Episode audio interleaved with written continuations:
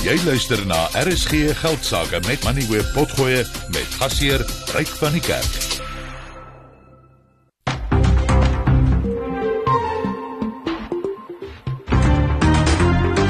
Jy luister na RSG Geldsaake met Ryk van die Kerk. Jou betroubare bron vir sake en beleggingsinsigte. Goeienaand en hartlik welkom by vanaand se program. Nou Suid-Afrika betree nou met mening die rapporteringsseisoen en 'n magtom JSE genoteerde maatskappy het, het pas begin om resultate bekend te maak. Nou die vlak van winsgewendheid van hierdie maatskappy is altyd 'n goeie aanduiding van wat in die ekonomie aangaan veral in sekere bedrywe en ons gaan vanaand na drie van hulle kyk: Harmony Gold, Woolworths en Cashbuild. En veral Harmony se resultate het die oog gevang want die groep het 'n rekord dividend verklaar. Dit het uh, omtrent 6 miljard rand wins gemaak in net 6 maande. En dit het ook gesê dit gaan omtrent 8 miljard rand inpomp by sy Mponeng myn en uh, dit hoop om hierdie myn lewe te gee tot 2044. Nou die Mponeng myn is uh, die ou Western Deep Levels, die diepste myn in die wêreld en uh, Harmony het dit in 2020 vir so 4.5 miljard rand gekoop. En toe was daardie myn basies op sy laaste bene, so daar is uh, baie baie groot verwagtinge van hierdie myn. Dan gaan ons ook kyk na die inligtingreguleerder in die land wat sy stem dik maak teen 'n maatskappy in Pretoria wat gemors e-posse aan mense stuur. Hulle het 'n afdwingings kennisgewing aan hierdie maatskappy gestuur. Nou Suid-Afrika het baie streng wetgewing om mense se inligting te beskerm soos die wet op die beskerming van persoonlike inligting of die Poppy wet, maar daar is steeds baie besighede wat kansse vat en ek gaan met advokaat Colin Weapon gesels. Hy is lid van die inligtingreguleerder. En dan soos op elke Woensdag kyk ons na die kriptobedryf en vanaand gesels ek met Christo de Wit oor Bitcoin wat vandag deur die vlak van 60000 dollar gebars het. Dis die eerste keer dat 'n Bitcoin meer as dit kos sedert 2021 en uh toe dit dit uh, laas in 2021 gedoen het, het dit bykans die 70000 dollar vlak bereik. So dit het nog waar was nog 'n stewige loopie na die tyd en ek gaan met Christo daaroor gesels. Maar kom ons kyk eers wat het op die markte gebeur en die insetsel word geborg deur Finbond Groep Beperk. Kontak hulle op 0860442211 Finbond Groep Beperk. Henko Kreer sit soos gewoonlik reg, maar Henko, ek kyk na hierdie skerm en daar's vir my baie rooi op. Hallo Ryk en goeie aand aan elke luisteraar. Ja nee Ryk, regtig hierdie skerm is bloedrooi vandag. Wêreldmarkte is erg onder druk vandag gewees en uh die Dow Jones, die S&P 500 en die Nasdaq tans elkeen so wat 0,3% swakker en soortgelyke prentjie in Europa met die FTSE 100, die Duitse DAX en die CAC 40 elkeen 0,5% laer. Die JSE het vandag 'n bietjie meer as dit verloor en sluit 1,3% laer op 72205 punte. Die nywerheidsindeks was 1,4% af. Die Hulbron indeks het 2,2% laer gesluit en die finansiële indeks het 1% teruggesak. Van die groot maatskappye wat maar swaar gekry het vandag was Anglo wat 3% swakker gesluit het. Naspers het vandag 2,6% teruggesak en Prosus 2% laer. En First Rand en BHP het elkeen 1,5% verloor met AB InBev en Standard Bank elkeen in 0,8-0,9% swakker.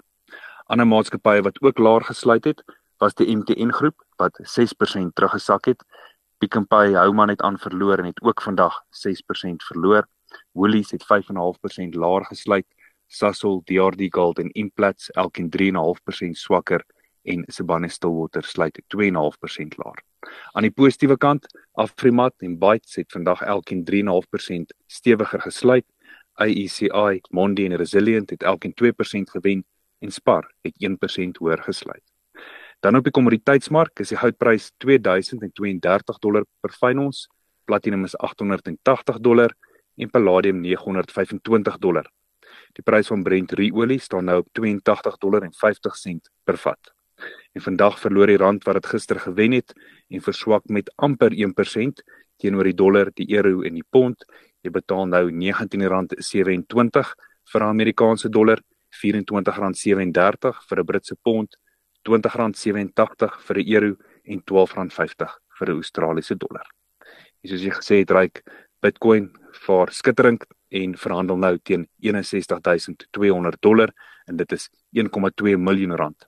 Dan laaste die plaaslike staatseffekte die R186 verhandel nou teen 9% en die R209 verhandel nou teen 11,9%. Henko baie dankie. Johan Gous is hoof van adviesdienste by Sasfin Wealth. Hy sit hier langs my in die ateljee. Johan, ja, hier is regtig 'n uh, uh, ek weet nie of mense nou met 'n paar slegte dae 'n tendens noem nie, maar die beurs is regtig onder druk en ons is al amper 5% af sedert die begin van die jaar. Goeienaand Ryk. Ja nee, dit is nie 'n goeie week gewees sover nie. Is nou 3 dae wat dit maar sukkel sukkel gegaan het op die plaaslike beurs en ek dink nog steeds het dit 'n bietjie te doen met hierdie sterk Amerikaanse ekonomie en wat dit beteken in terme van rentekoersverwagtinge. Ons het uh, nou weer vandag het ons gesien daar was die tweede skatting vir die uh, laaste kwartaal van 2023 vir die Amerikaanse ekonomie en daai skatting het ingekom op 3.2% teenoor die aanvanklike skatting van 3.3%. So klein bietjie swakker as aanvanklik uh, verwag uh, of wat hulle geskat het, maar dis nog steeds baie sterk groei en dit kom op die rug van die 4.9% groei in die derde kwartaal van laas jaar. So hierdie Amerikaanse ekonomie bly sterk en dit maak dit al hoe moeiliker om te sien dat die Federale Reservebank in Amerika baie gou rentekoerse gaan verlaag. Ja, maar uh, ek dink dit is ook maar 'n miskien veilige hawe. Uh baie ontleikende markte sien wat in Amerika aangaan. Miskien is dit uh weens die onsekerhede in die res van die wêreld is dit maar die waar die waar die eh, bergings uh, opsie van keuse is. Dit is so en hoekom ek daai punt sal koop ryk as jy gaan kyk hoe onderdruk die rand is op die oomblik. Jy weet gister nog nie of nog in die vroeë oggendure vanoggend net oor die R19 toe ons op 'n stadium vanmiddag 12:00 R19.30 gaan draai en nou is ons weer terug by 19.26. Dan 'n paar ander interessante nuusgebeurtenisse. Die uh, Please Call Me sage gaan nou na die grondwet hof toe. Korrek, reg. Ja, ek kom dit vandag aangekondig dat dit die appelhof se uitspraak uh, wat hom beveel om 20 miljard rand aan die Please Call Me uh, skepper Nkosana Makate te betaal gaan beveg. Nou uh, kom het nou vandag 'n sens uh, boodskap uh, wat hy basies uh, uitgestuur het. Nou die sens is natuurlik die JSE se um, nuusdiens en en daar in hierdie boodskap het hy gesê dat Vodacom ehm um, appel gaan aanteken teen die uitspraak by die konstitusionele hof. En uh weet uh, verder aan het hulle gesê dat hulle 'n uh, uh, verantwoordelike korporatiewe burger van Suid-Afrika is en dat hulle definitief uh, die regstelsel respekteer en nie wette wil breek in Suid-Afrika nie, maar hulle het ehm um, na oorweging van die uitspraak en die bevel van die appelhof tot die gevolg gekom dat sekere aspekte van hierdie saak reik nie uh, met die gees van die wet strook nie en dat die uitspraak uh, en opdrag fundamenteel foutief was wat nogal 'n sterk stelling is. Nou maar wou ek kom voel dat hierdie uh, uitspraak vele van die kwessies tussen die twee, twee partye en die bewyse wat tydens die saak gelewer is, um, geïgnoreer het of misgekyk het. En nou die appelhof ehm um, aanbeveel uh dat uh, meneer Makate se span se model gebruik moet word om die bedrag wat aan hom verskuldig is te bepaal. Nou moet uh, ryk hierdie model het daarop gedui dat gebaseer op die 'n uh, 5% aandeel in die 205 miljard rand wat Vodacom verdien het vir hierdie diens oor 'n 18 jaar periode dan op hierdie 20 miljard rand te staan kom. En ehm um, nou net om dit in perspektief te plaas, reik 20 miljard rand is dubbel wat Vodacom jaarliks spandeer aan sy netwerk. En dan basies net, jy weet, Vodacom het ook dan net gewaarsku uh, in sy verklaring dat die impak van die appelhof se uitspraak weier implikasies vir Vodacom Suid-Afrika en die Vodacom groep het en ook vir Suid-Afrika as 'n beleggingsbestemming en dat dit werknemers en ook ehm um, die belastinginkomste vir die staatskas en ook infrastruktuurspandering negatief kan beïnvloed. Ja, 20 miljard rand is inderdaad uh, baie baie geld.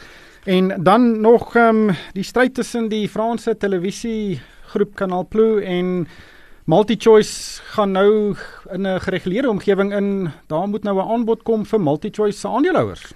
Ja, baie, maar dit is nie so eenvoudig nie, Ryk. So ja, Suid-Afrika se oorname reguleringspaneel het nou vandag aangekondig dat uh hierdie uh, Kanaal Plus um met onmiddellike effek 'n aanbod moet maak uh, om die aandele van MultiChoice wat hulle nog nie besit nie te koop.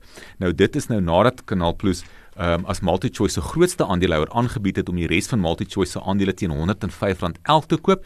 Nou uh tydens die maak van hierdie aanbod het Kanaal Plus so wat 31.67% van uh, MultiChoice se aandele besit, maar kort daarna toe 35% uh, persent daarvan besit. En hierdie 35% ehm um, het nou veroorsaak dat Kanaal Plus nou 'n aanbod vir die aandele moet maak nadat MultiChoice uh, die aanvanklike R105 aanbod verwerp het op grond van die feit dat MultiChoice gevoel het dat daardie aanbod nie die werklike waarde van MultiChoice weerspieël nie. So nou met Kanaal Plus volgens die ehm um, vereistes van die maatskappywet 'n nuwe aanbod maak. En Canal Plus sê egter dat hulle dink nie dis nodig nie, uh want uh as as jy gaan kyk na MultiChoice memoranda van inkorporasie, dan sê dit dat buitelandse maatskappye nie meer as 20% van MultiChoice mag besit nie. Uh maar met hierdie siening het die oorname reguleringspaneel toe nou nie saamgestem nie. Die insetsel is geborg deur Finbond Groep. Beperk kontak hulle op 0860442211 Finbond Groep beperk. Finbond Groep Beperk bied 'n gewaarborgde opbrengs op vaste termynbeleggings. Verdien 11% nominale rente per jaar op 'n 5-jaar termynbelegging van 1 miljoen rand of meer. Geen inisiasie of administrasie fooie word gehef nie en rente kan uitbetaal of gekapitaliseer word. Belastingvoordeel is gekoppel aan ouderdom. SMS RSG na 30635 of e-pos deposito by finbond.co.za. Finbond Groep Beperk. Jou bondgenoot deur dik en dun. Vir die belangrikste sake nuus skakel in op RSG Geldsaake.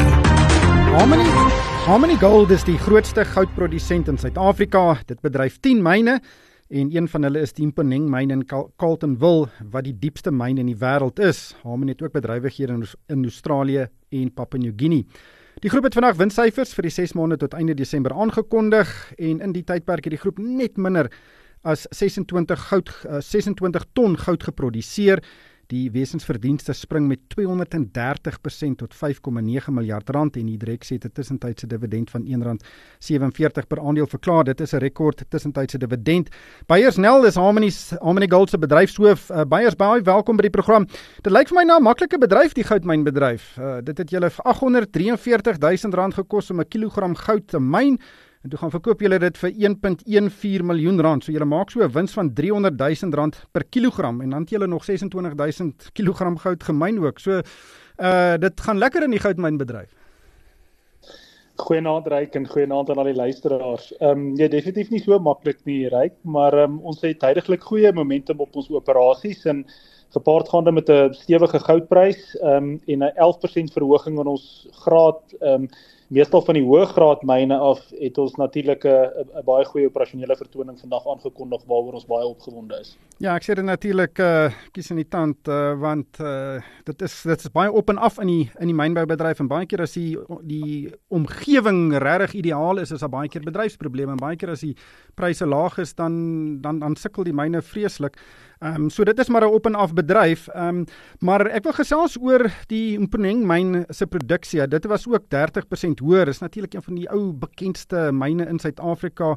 Ehm um, Harmony het dit in 2020 van Anglo Gold Ashanti gekoop en as ek reg, reg onthou was die prys omtrent 4.5 miljard rand. Die daar was sprake dat die myn se lewe baie kort gaan wees, maar nou gaan julle nog heelwat belê in hierdie myn en sy lewe verleng tot 20 uh 44. Ehm um, so dit, dit julle het nog baie geloof in hierdie myn. Vertel ons van van hierdie belegging.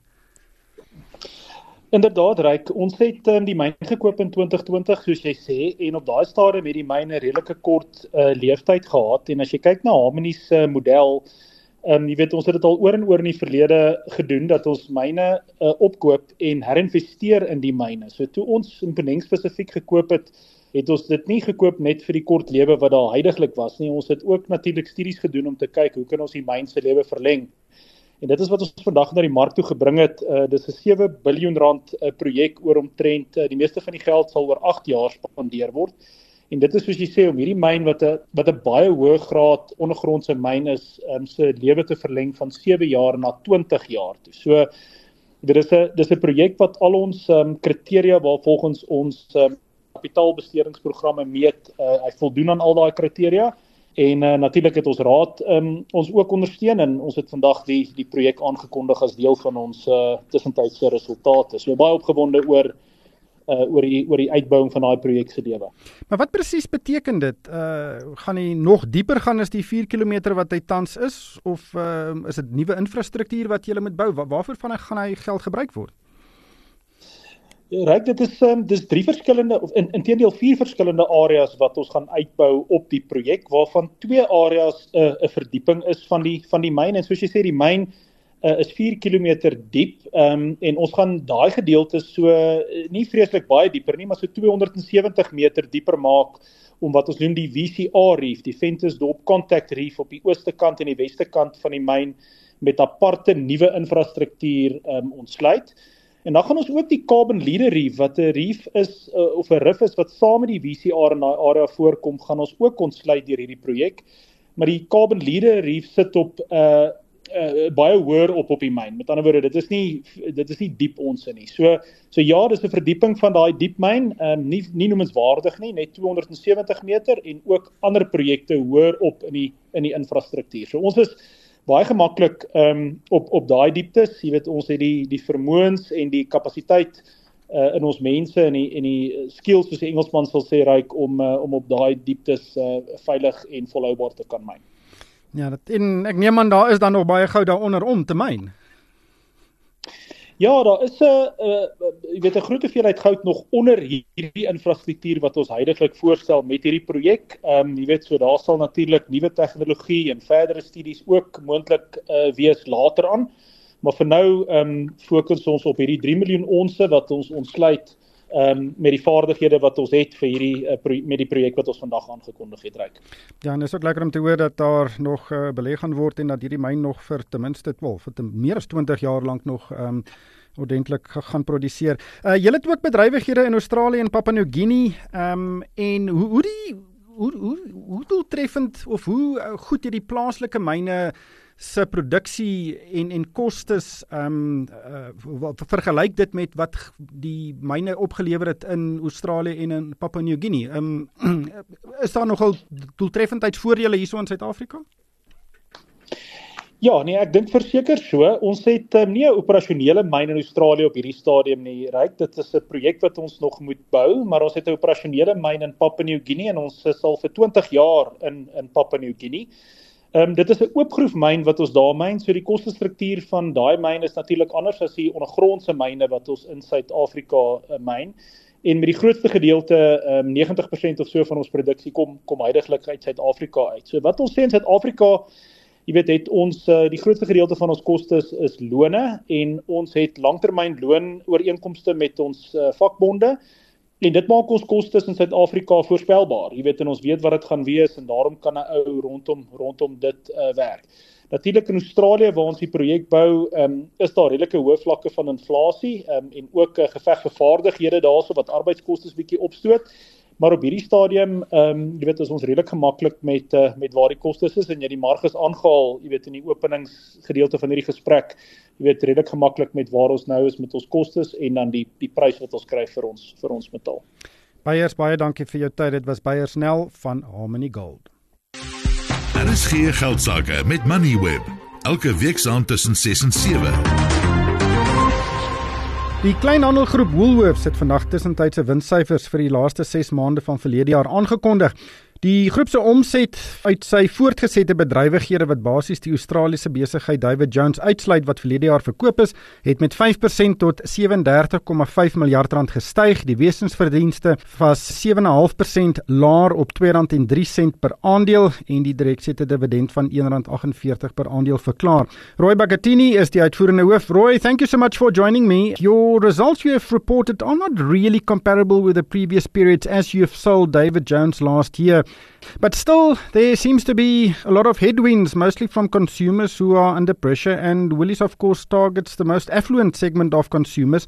And it seems that even the rich people are feeling the pinch. You know, as you said, I mean, our reporting periods to date have always been with David Jones uh, in the base. That's now gone. And so we now have what we define as our continuing operations, our businesses excluding David Jones. And the results we're talking about today are already those businesses. It's true to say that when we look at the macro environment, it's been tough and tough for us here in South Africa and it's tough for all the retailers in Australia where consumer confidence is probably its lowest level since the financial crisis back in 2009-10. So it is tough. In our case, though, we're also coming off a very high performance period. Last year was our record performance. You would remember we declared record dividends, record earnings, etc. So it's a very high base we're comparing ourselves to. But notwithstanding, I think consumers are under pressure. Disposable income is under pressure, and that does sort of play through to what we see for traffic and footfall in our stores. But what is important is if you look at our South African business, right? I mean, we grew our profits by 10%. And in this environment, really, I think a really respectable or very commendable sort of outcome. Our teams have done a great job at doing that in a very difficult environment. The food business is by far the biggest business within the group. It generated two thirds of the group's revenue and nearly 60% of pre tax profits during the period.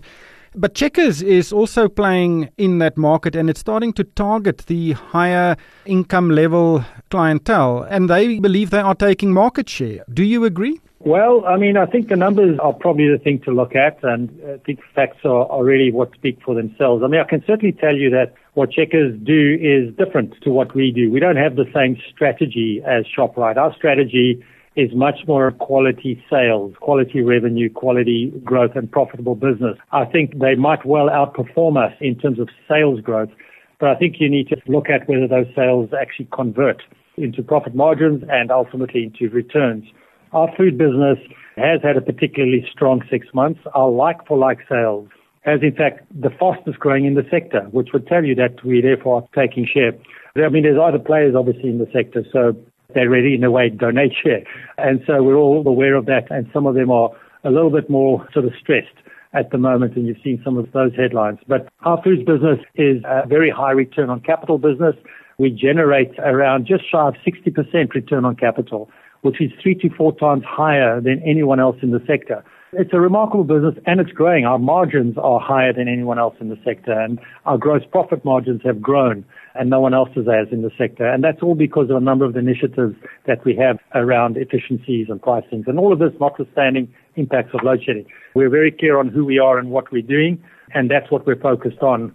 We're not obsessed about what the others out there are trying to do. One of the key strategies of Woolworths is the cold chain, where you can transport foodstuffs refrigerated or kept cool for throughout the whole supply chain, from the tree virtually to your fridges in the shops. Has that been difficult to achieve given the load shedding we've seen over the last few months, the significant load shedding, especially at the end of last year? We are very committed to quality, as you know, and therefore the cold chain is a key component in delivering that. We have that eight minute rule that no product from the moment it's actually farmed and packaged all the way through logistics, all the way into our stores, if it's out of the cold chain for more than eight consecutive minutes, we actually remove it and we actually put it into our sort of food charity channels and our food bank channels and so on, but it's not available for sale in our stores. Our commitment is very strong around doing that. We've been having this cold chain advantage for a long time, so we've already invested very significantly in generator, generator capacity. All our stores, even before load shedding, had this sort of capability and capacity, and we've obviously sort of improved on that during the process of load shedding. It costs us yeah, to keep these going. But our commitment to quality and the trade-off we make there is absolutely important for us. And it is a differentiator. You know, most of our product that we sell is what we call fresh you know, relative to some of the other brands in the market. For us, that's a big differentiator. So keeping the product fresh and maintaining the quality standards is an important differentiator. Your fashion business generates around 20% of the group's revenue and 30% of pre-tax profits, but the business has treaded some water during the period. And I think the clothing business in general in South Africa is tough going. How do you see the performance in the context of what's happening in the country and what do you foresee for the future? Yeah, I mean, I think there are two pieces to that, Greg. I think there's clearly the context, as we spoke about earlier, the challenging macro context, the environment stuff. But we're on a bit of a turnaround strategy with that business and we sort of laid out the things we're doing to get the business back to where it needs to be.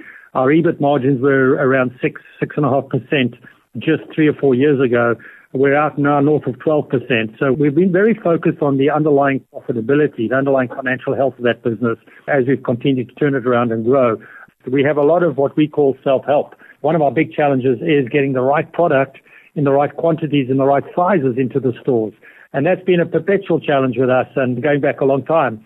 We're really focusing on that because we see that as a self-help opportunity to really shift the top line, notwithstanding the context. But overall, I mean, I think a reasonable result. We're not entirely satisfied with it. We'll never be entirely satisfied with a business that doesn't move forward in a more accelerated way. But what's been very important is to get the foundational stuff right. So a lot of the heavy lifting's been done and now we can focus on growth going forward.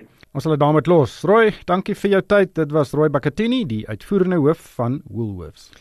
Ja, Johan, hy sê hulle is nie heeltemal gelukkig daarmee nie. Ek dink lyk like met die mark was baie ongelukkig. Uh die mark uh, Woolies aandeleprys vandag 5.3% af.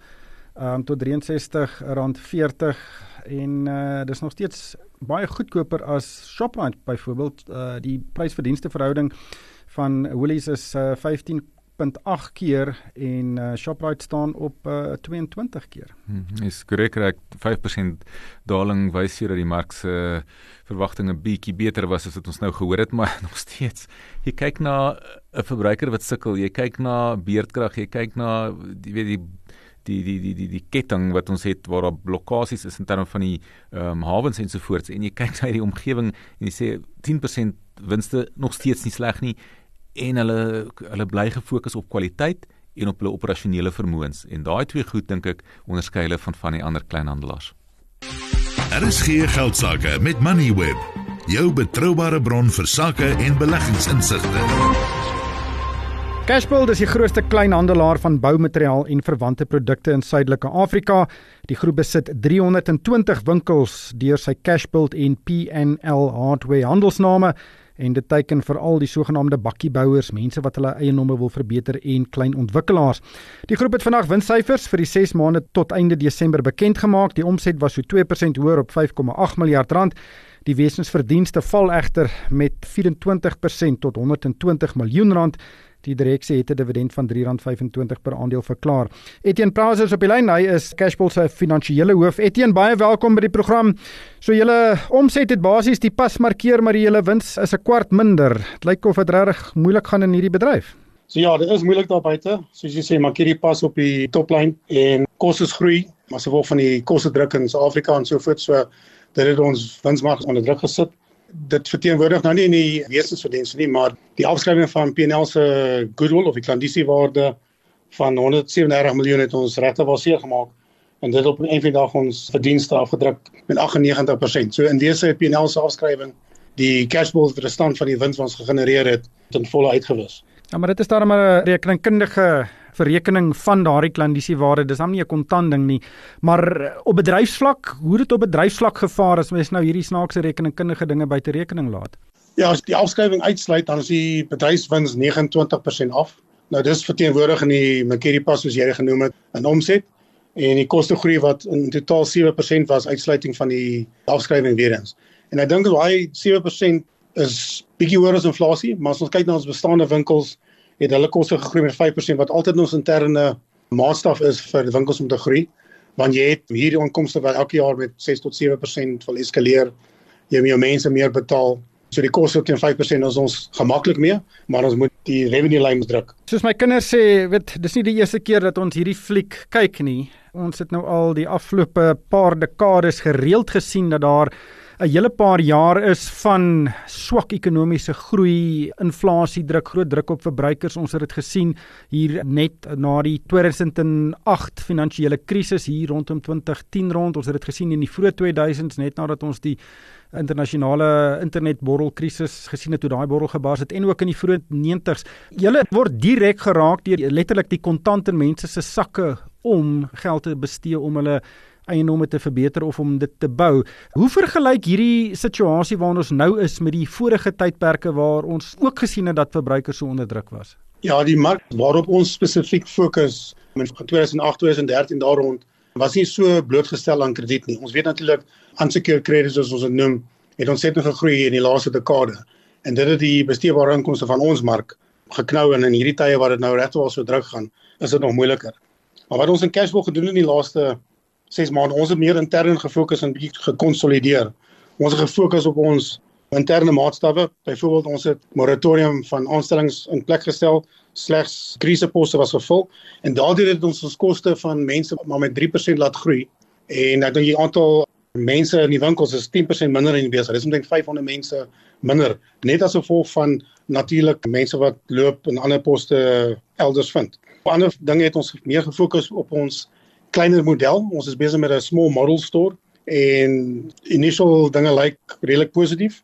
Die model wat ons reeds opgemaak het in Natal doen redelik goed. Ons het ook meer reparasies op winkelvlak gedoen in plaas van groot opknappings te doen. Want die huidige tye kry mense nie gewenste resultate van hierdie groot opknappings wat in groot koste kom vir die maatskappy nie.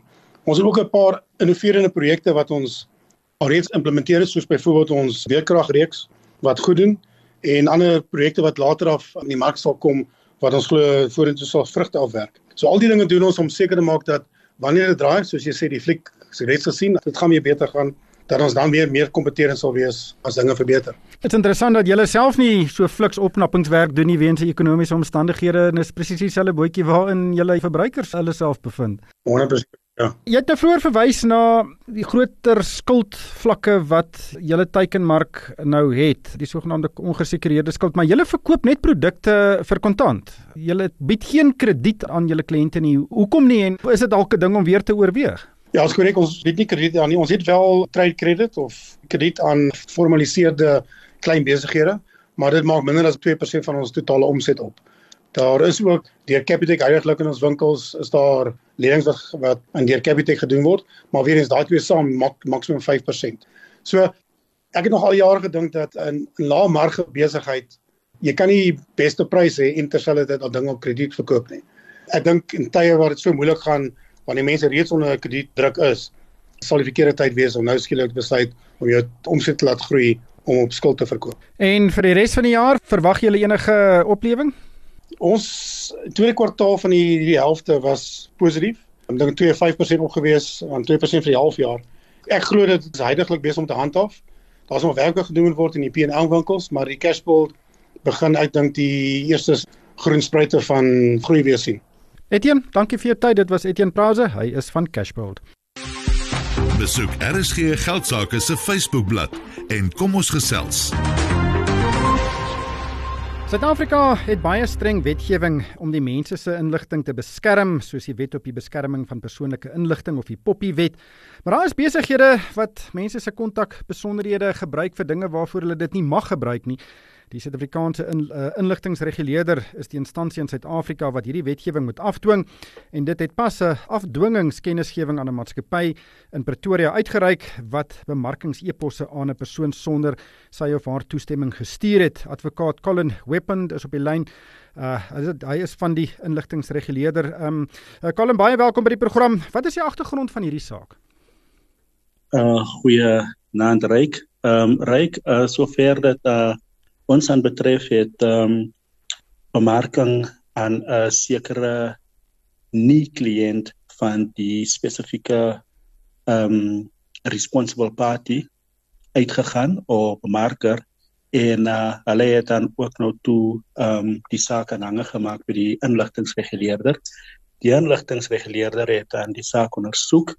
Ons het dan bevind dat ehm um, die wetgewing oortree was, uh, spesifiek artikel uh, 69.1 wat vereis en dit is 'n baie belangrike punt uh, wat ek beklemtoon wat vereis dat jy eers toestemming moet vra by die spesifieke persoon voordat die bemarking ehm um, uitgereik word of uitgestuur word.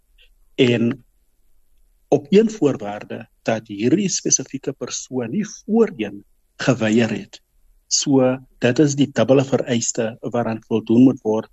En hierdie vereiste was oortree maar die ander um, artikels wat oortree was is artikel 11 en artikel 12 artikel 11 is die toestemmingsvereiste en artikel 12 dat jy die persoonlike inligting van 'n spesifieke persoon 'n uh, data subject by hom of haar moet verkry en dit is een van die vereistes wat ook oortree was. Altesaam was daar ongeveer 3 vereistes oortree. Ja, ek ek het die die persverklaring gelees en dis baie duidelik dat dat jy moet nou toestemming vra om van hierdie eposse, hierdie bemarkings-eposse na mense toe te stuur. Maar ek kry ek kry op 'n gewone dag 1500 e-posse en daar's 'n magdom van hulle wat kom van mense wat ek van geen kant af ken nie wat goed aan my probeer smous. So so hoe groot is hierdie probleem? Ehm um, of kan miskien dat ek dit anders stel. Hoeveel van hierdie ehm um, uh, hierdie uh, afdwingingskennisgewings het julle al in Suid-Afrika uitgereik teen mense wat net eenvoudig hulle nie steur aan papie nie en net e-posse stuur vir mense vir wie uh, en wat hulle wil?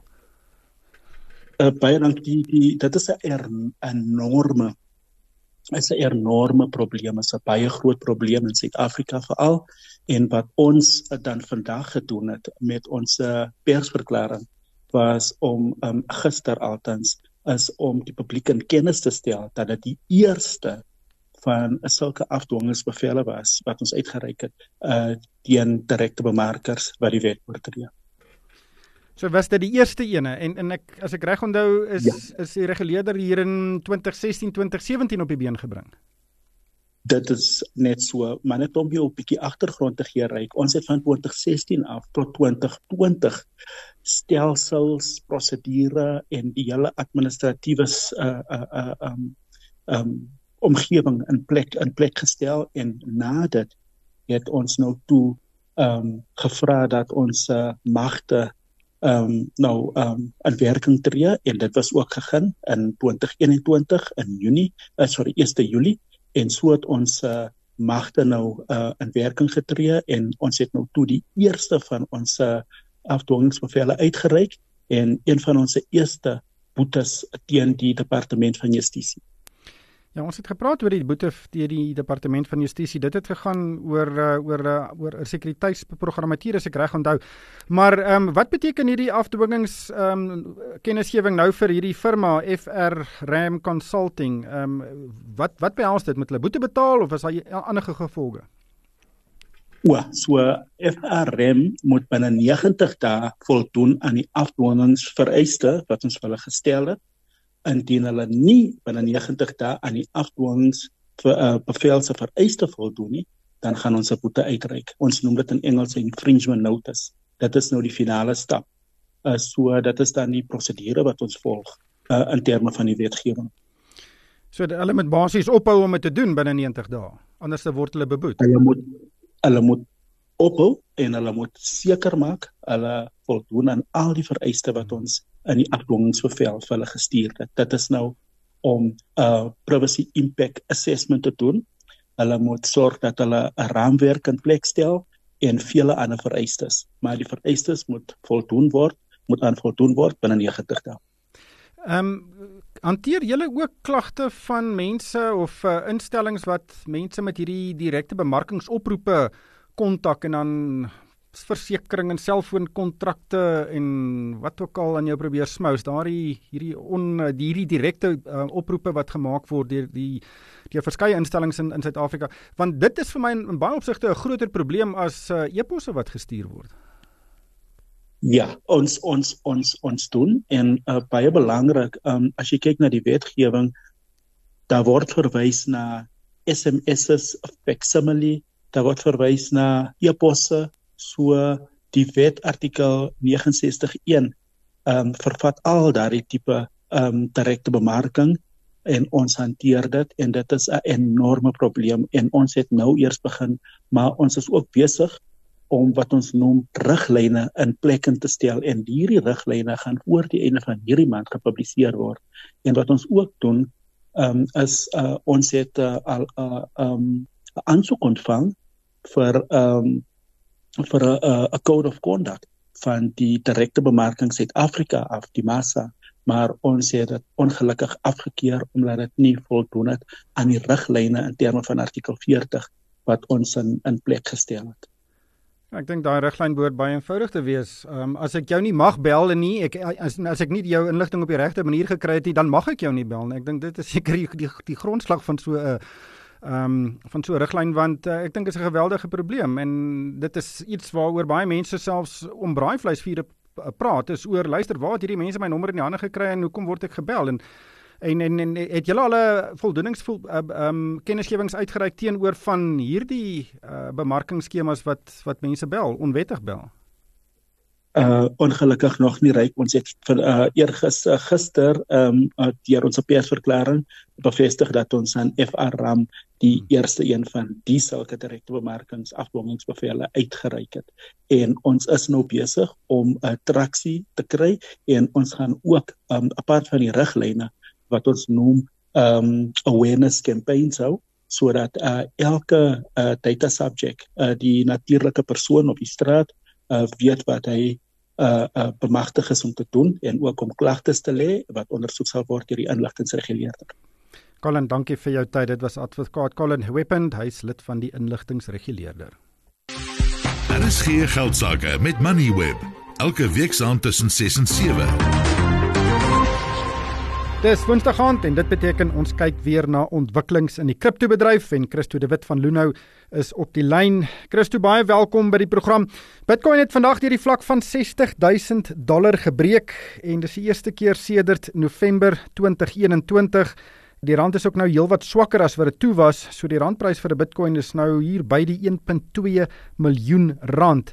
Ons het nou al vanjaar verskeie keer gesels, maar omtrent elke keer het ons gesels oor hoe goed kriptopryse presteer vir al Bitcoin. So ek dink ek moet jou meer gereeld op die program kry.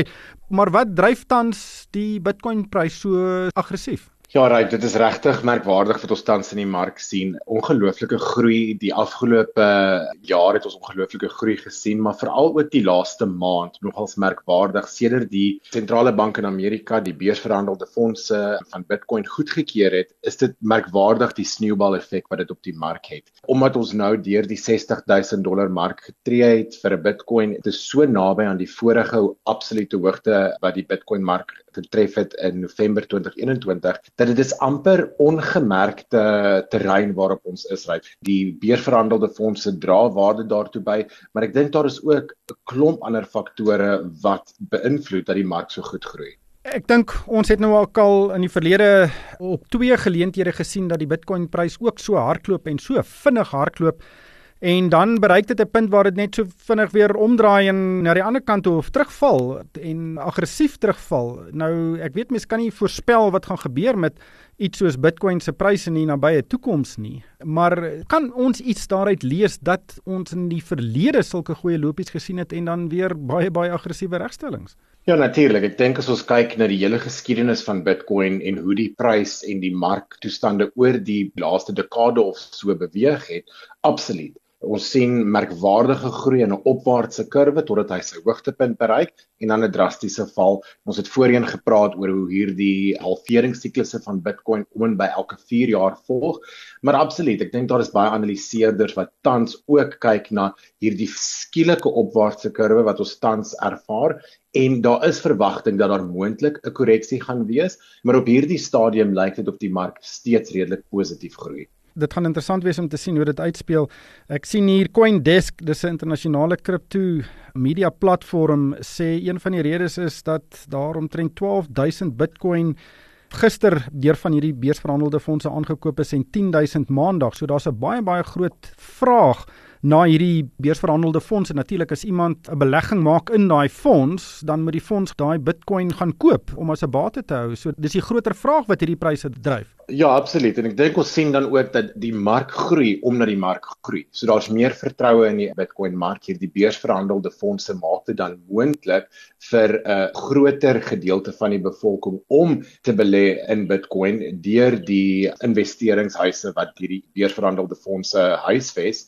En ek dink ons sien dan dat daardie toename in vertroue in hierdie platforms maak dan ook dat die mark bietjie versterk en dan meer groei in daardie sin. Maar dit gaan ook meebring dat baie mense gaan ewe skielik kyk en sê luister, ek sien die Bitcoin prys hardloop, so ek wil ook Bitcoin hê en dan gaan hulle nou vir die eerste keer die proses begin om 'n Bitcoin te gaan koop en dit natuurlik beteken hulle sal moet gaan registreer as 'n kliënt op 'n verhandelingsplatform. Nou daar is baie goeie en ek praat van goeie in 'n eerlike sin platforms in die wêreld en in Suid-Afrika beskikbaar, maar daar's ook baie slegte platforms beskikbaar. So hoe moet iemand wat nou graag hierdie mark wil betree dit nou op die regte manier doen sodat hulle nie ingeloop word nie? Dit is 'n baie goeie roep om te maak reg en ek dink ons het gesien na die skokke van die industrie in 2022 dat daar baie sal ek sê vuil spelers in die industrie is. Ons het ook in die verlede gesien as ons in die aanloop van 'n bull mark is dat al hoe meer en meer mense in kripto begin belê en meer geïnteresseerd is en daar is 'n abstaas 'n risiko betrokke weer watter platform gebruik jy, watter platform kies jy en hoe weet jy watter platform gaan veilig wees? By Luna het ons 'n bewys van bates verslag bekend gestel wat ek dink kliënte sal help om daardie besluitneming te kan doen. En wat dit basies behels is, ons het 'n onafhanklike ouditeursfirma, Moore Johannesburg wat dit dan verifieer en basies kyk of al die kripto wat ons kliënte in hulle beursies het of dit wel in veilige huisvesting by Luna is en dat hulle die kliënte dadelik hulle kripto kan onttrek indien hulle dit sou wou gebruik. Ja, ek dink die sleutel is ook die platforms in Suid-Afrika is in die proses om gereguleer te word, die FSCA, die finansiële reguleerder het reeds gesê kripto geldeenhede is finansiële bates. So dit moet gereguleer word en daai hele proses is aan die gang waar die FSCA dan lisensies aan kriptoplatforms gaan toeken. Wanneer verwag julle dat dit nou gaan gebeur want ek dink dit gaan 'n groot dag in Suid-Afrika se kriptogeskiedenis wees as ons verhandelingsplatforms nou deel is van die formele finansiële gereguleerde stelsel. Ja, die kripto-industrie as sulks is reeds deel van die finansiële milieu in Suid-Afrika. Kripto is reeds 'n finansiële produk in Suid-Afrika en kriptomaatskappye moes reeds aansoek doen om 'n lisensie by die FSCA te verkry. Ons wag steeds vir daardie lisensies om toegeken te word, maar ons is seker dit gaan binnekort gebeur en ons kyk uit daarvoor en ek dink dit is ook een maatstaaf wat gewone Suid-Afrikaners kan gebruik om seker te maak dat die maatskappy by wie hulle kripto koop wel geregmatig is as hulle daardie kripto lisensie het. Sommige voeltjies vlei dat dit dalk so gou as aanstaande maand kan wees maar as dit gebeur sal ons dit verseker hier op RSC geld sake dek. Christo, dankie vir jou tyd. Dit was Christo de Wit van Lunou. En nou met die tyd ons ingehaal. Baie dankie aan Johan Gous. Hy is hoof van adviesdienste by Sasfin Wealth uh, en uh, dankie vir jou deelname vanaand. En daarmee groet ons van Palesa Matlala, Pieter Botha en Kokreur en vir my ryk van die kerk. Dankie vir die saamluister. Jy het geluister na RSG Geldsaake met Money where potgoe elke weeksdag om 7 na middag. Vir meer Moneyweb potgoe, besoek moneyweb.co.za of laai die toepassing af en volg Moneyweb News om dagliks op hoogte te bly.